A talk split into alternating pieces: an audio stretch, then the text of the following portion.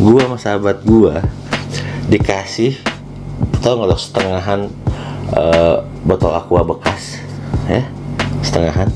Terus itu eh dikasih ke kita ke gua sama sahabat gua. Terus gua mesti ngerukin airnya masukin ke toilet. Karena airnya ngegenang anjing itu kan air bekas mandinya dia ya. Terus gue kayak fuck man tapi mesti gua lakuin wah akhirnya gua lakuin itu berdua. Kalau enggak habis. Coti gue pasti dipukulin. Udah tuh saat beres beres Eh, itu itu berdua kejadian yang lucu juga tuh. Anjing gue disuruh ngerukin. Ngerukin ngerukin. Gue baru tahu juga si Malcolm ini si Bang Pai ini dia itu bener-bener eh, apa ya punya tabungan duit sendiri di situ. Ya tadi yang gue bilang eh, setiap tahanan yang berkunjung itu mesti ngasih ke dia 50 ribu ya nah jadi dia tuh punya eh, tabungan sendiri gitu misalkan dia kayak lapar atau pengen gorengan, nah dia tuh bisa beli dan itu manggil polisinya. Nah ya polisi yang jaga ya dan suka dipanggilnya tuh ayah dipanggil ayah ayah. Nah terus misalkan kayak ayah mau beli gorengan dong gitu. Cuma gorengannya mahal banget, jadi jadi 50 ribu tuh cuma dapat 6 sampai 7 biji gitu lah. Pokoknya mahal banget lah. Nah cuma si Bang Pai ini menurut gua dia tuh masih ada hati nuraninya ya. Jadi ketika makan gorengan gitu dia makan, dia masih ngebagi-bagiin ke teman-teman sel di di sel 3. Katanya sih di sel 1 sama sel 2 tuh nggak pernah apa si palkamnya tuh galak lah gitu. Maksudnya nggak nggak nggak asik lah. Eh dia juga punya stok rokok. Jadi itu nyimpen rokok. Nah, ini bukan rahasia umum lagi kali ya, karena saya tuh boleh ngerokok, tapi ngerokok itu ada jam-jamnya gitu loh, atau enggak mesti mesti ditutupin gitu. Jadi nggak bebas sana soalnya ada CCTV kan, jadi boleh ngerokok bebas itu cuman pas lo Senin Kemis keluar dari eh, kamar kamar sel lo. Nah di ruangan yang ada sinar matahari itu boleh ngerokok. Kalau enggak di dalam sel tuh nggak boleh ngerokok sebenarnya. Nah cuman kalau malam-malam boleh. Nah, cuy, yang boleh juga cuman palkamnya doang ya. Jadi ketika dia ngerokok, kita semua disuruh cuman bu- buka baju terus suruh ngipas-ngipasin. Biar eh, asapnya nggak kelihatan. Gitu.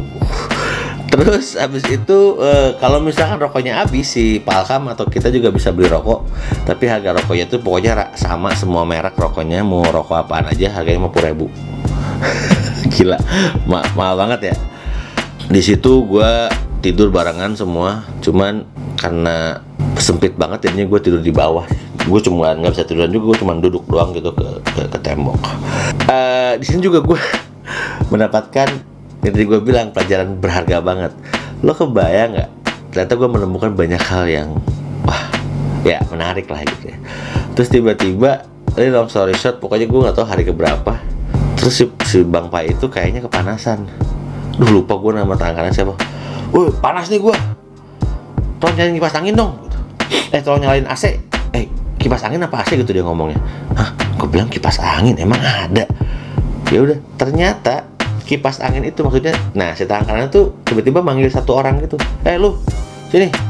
Nah kebenaran karena itu tuh kayaknya hari ketiga deh. Gua tuh sering banyak kasih upeti jadi gua tuh udah dibaikin gua sama sahabat gua. Jadi gua kayak eh, best friendnya si Kalkam inilah terus tiba-tiba si tangan kanannya ngomong eh, apa salah satu orang itu si Bang Pai itu ngomong "Ya sini lo nyalain kipas anginnya ternyata terus dikasih dia dikasih apa potongan kardus. Terus orang itu suruh ngipasin. Dan dia nggak boleh berhenti sebelum si Bang Pai bilang berhenti. Terus tiba-tiba lagi gini-gini kan ya gue tau itu pasti capek banget kan ya lama banget. Terus tiba-tiba si Pai ngomong eh kok pelan gini sih? Tiga dong speednya. Kecepatannya tiga dong. Dia makin cepat anjing. Terus kalau si Pai ngomong pelanin dikit. Ya ini ini jadi agak pelan. Gila men. Gue pikir tuh kayak anjing ada kipas angin di sini gitu. Ternyata itu kipas angin manusia ya. Itu menurut gue gokil sih. Eh, terus abis itu gue bisa main catur tapi ini bukan catur sembarang catur. Jadi caturnya tuh dibikin dari nasi bungkus apa bek- kertas nasi bungkus. Yang tadi gue bilang gue kan sering banyak upeti tuh. Nah si semua kertasnya itu dikumpulin. Nah biasanya tuh dijadiin kayak eh ada apa eh ketika di Senin Kamis itu mereka kan ada yang keluar dari kamar tahanan tuh. Nah itu tuh suka ada yang minjem pulpen apa pensil sorry. Nah pensil tuh ternyata di dibikinin kayak ada garis-garis kotak gitu hitam putih hitam putih. Jadi gua jadi mereka tuh udah punya eh, kayak bekas makanan gitu udah dibikinin ada hitam putih hitam putihnya. Terus kita harus ngerobekin kertas kecil-kecil yang ini misalkan kuda yang ini apa dari barang-barang yang ada aja. Gue main catur dari situ. Anjing kreatif sih menurut gue Eh main PS tenang ini bukan PS beneran PS ternyata mereka tuh ngomong main PS tuh ya kayak main Winning Eleven lah atau Pro Evolution Soccer lah. dulu kan lagi zamannya Winning Eleven. Jadi lo tau gak sih main anak kecil dulu? Gue sih dulu suka bikin ya. Jadi bikin bulat-bulat bola terus kayak kita ada bikin eh, buat kertas gitu dari kertas. Terus bola itu tuh bisa ditendang kalau kita pencet tek, tak tak jadi kayak cuman ya itu main winning live main PS tuh itu. Jadi dia ngebikin bola bulat terus bikin dari kertasnya di- kertasnya di- dilipat gitu untuk ngedorong si bola ini. Udah gitu doang. Gokil sih gokil sih. Terus habis itu nah ada satu kejadian lucu juga. Gua satu satu gua ngeliat kayak si bang pai ini dia tuh ngelipat-lipat duit. Bukan ngelipat ada duit dia tuh duitnya tuh 50 ribuan sama 100 ribuan nah lu duitnya tuh digini-gini sampai jadi bulat dan sampai bul- bulatnya kecil banget. Dan dia itu punya duit 50 ribuan sama 100 ribuan itu yang kecil-kecil itu udah tiga perempatnya botol aqua eh, gede. Botol aqua gede 1 liter. Anjing itu banyak banget duitnya. Nah gue gue nanya nih penasaran. Bang lo ngapain sih bang eh, muter-muterin apa ngebikin duit jadi kecil gitu oh ini buat tabungan gua ntar di Cipinang bro katanya gitu. Hah? Maksudnya buat apaan? Ya kan gua kan ketika nanti misalkan kasus dia udah dilimpahkan dari pengadilan nah dari si tahanan polsek itu itu bakal dikirim ke lapas. Di lapas ini dia tuh nggak boleh bawa apa-apa. Nggak boleh bawa duit nggak boleh bawa apa segala macam nggak boleh. Dan kalau ketahuan bawa itu diambil. Caranya dia supaya bisa hidup enak lah di lapas dari Cipinang itu. Jadi si duit-duit yang kecil ini sama dia ntar dimakanin dimakan literally ditelan tapi dia tuh bakal nelannya s- waktunya tuh tepat sebelum dia mau dipindahin. Dia bakal makanin duitnya set. Ntar dibokerin. Serius. Ini gue kayak di film-film gitu maksud gue dan dia benar-benar literally nanti bakal dimakan sama dia. Dan dia bakal bokerin eh, ntar di Cipinang. Boka, dibokerin terus dia bakal nyari. Dan mama dia bakal dicuci karena kalau di Cipinang itu itu udah kayak negara sendiri. Kalau bisa beli makanan ada yang jualan makanan apa pun segala ada lah. Itu juga yang gue wah ternyata kreatif juga ya gitu. Eh, di setiap kamar sel itu si Bang Pai ini dia tuh udah punya pegangan-pegangan gitu lah. Kayak kita nyebutnya tuh si penghibur adalah bapak-bapak udah tua. Eh, kenapa disebut si penghibur? Karena itu dia tuh suka nyanyi. Jadi ketika si Bang Pai bilang aduh bosan nih. Pasang musik gitu. Saka gua hah ada radio dalam hati gua? Ternyata enggak. Si bapak-bapak ini oke bang nyanyi apa bang? Nyanyi apa aja? Dia nyanyi nama dia nyanyi nyanyi. Nah ada si eh, kiai. Ya kiai ini adalah bapak-bapak juga. Dia itu dituakan tuh terus keduanya dia yang paling tahu banyak bacaan bacaan sholat. Jadi kalau sholat bis- bisa bareng berjamaah dia yang memimpin. Nah disebut kiai. Jadi kalau misalkan si bang Pai ini juga ngerasa kayak aduh doain dong. Nah itu. Dia, dia sholat nanti ya saya doain bang gitu. Banyak lah terus ada si pembantu. Nah pembantu ini biasanya tahanan-tahanan yang awalnya datang itu udah dibully. Gini ya contohnya. Ketika makanya tadi kan di awal itu gue udah cerita bahwa ketika lu si ada si cewek yang tahanan cewek itu ngomong nanti pas masuk jangan lupa bilang assalamualaikum ya. Ini itu di di sel 3 itu ternyata ada ada disebutnya jongos. Kenapa jongos? Ya tadi itu dia yang ngipas ngipasin terus eh, segala macem lah. Nah karena dia tuh awalnya datang lagi mabok terus kayak dia belagu eh what's up semua? Nah itu udah lo habis. Lo jadi bulan-bulanan kecuali lo jago berantem banget ya. Dan si Jongos ini tugasnya tadi itu sekarang dia yang ngerukin air kamar mandi terus yang ngipasin jadi kipas terus jadi hair dryer pengering badan dia dia gini giniin si Bang Pai gitu. tukang mijitin. Ada ada. Dan kalau gua di situ karena upeti gua bagus jadi gua kayak ya anak emas aja lah.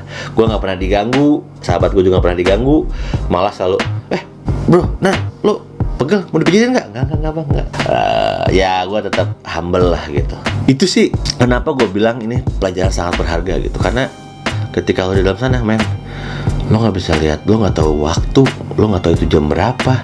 Lo dengar azan juga ini ini udah azan apa ya?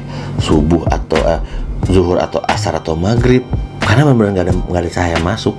Dan itu lembab. Kenapa ini gue sebut pelajaran paling berharga? Karena despite kesalahan gue yang berantem itu eh, sama semua kenikmatan gue diambil lah ya cuman gue itu melihat di dalam sel itu berbagai macam orang dan berbagai macam kasus yang ngebuat gue kayak gue harus lebih baik lagi daripada ini gitu. Orang cuma ngambil ubin doang. Ubin? Tapi hukumannya sampai satu tahun gitu. Kan ubin doang ya terus ya itu tadi pas di dalam itu dengan berbagai macam orang karakter dan segala macamnya ternyata mereka juga bisa kreatif gitu. Ya tadi itulah main catur PS si kipas manusia dan sebagainya gitu. Itu pengalaman menarik ya pengalaman yang nggak pernah gue lupain. Dan gue harus bilang menarik gue nggak mau lagi deh. Mas masuk sana lagi.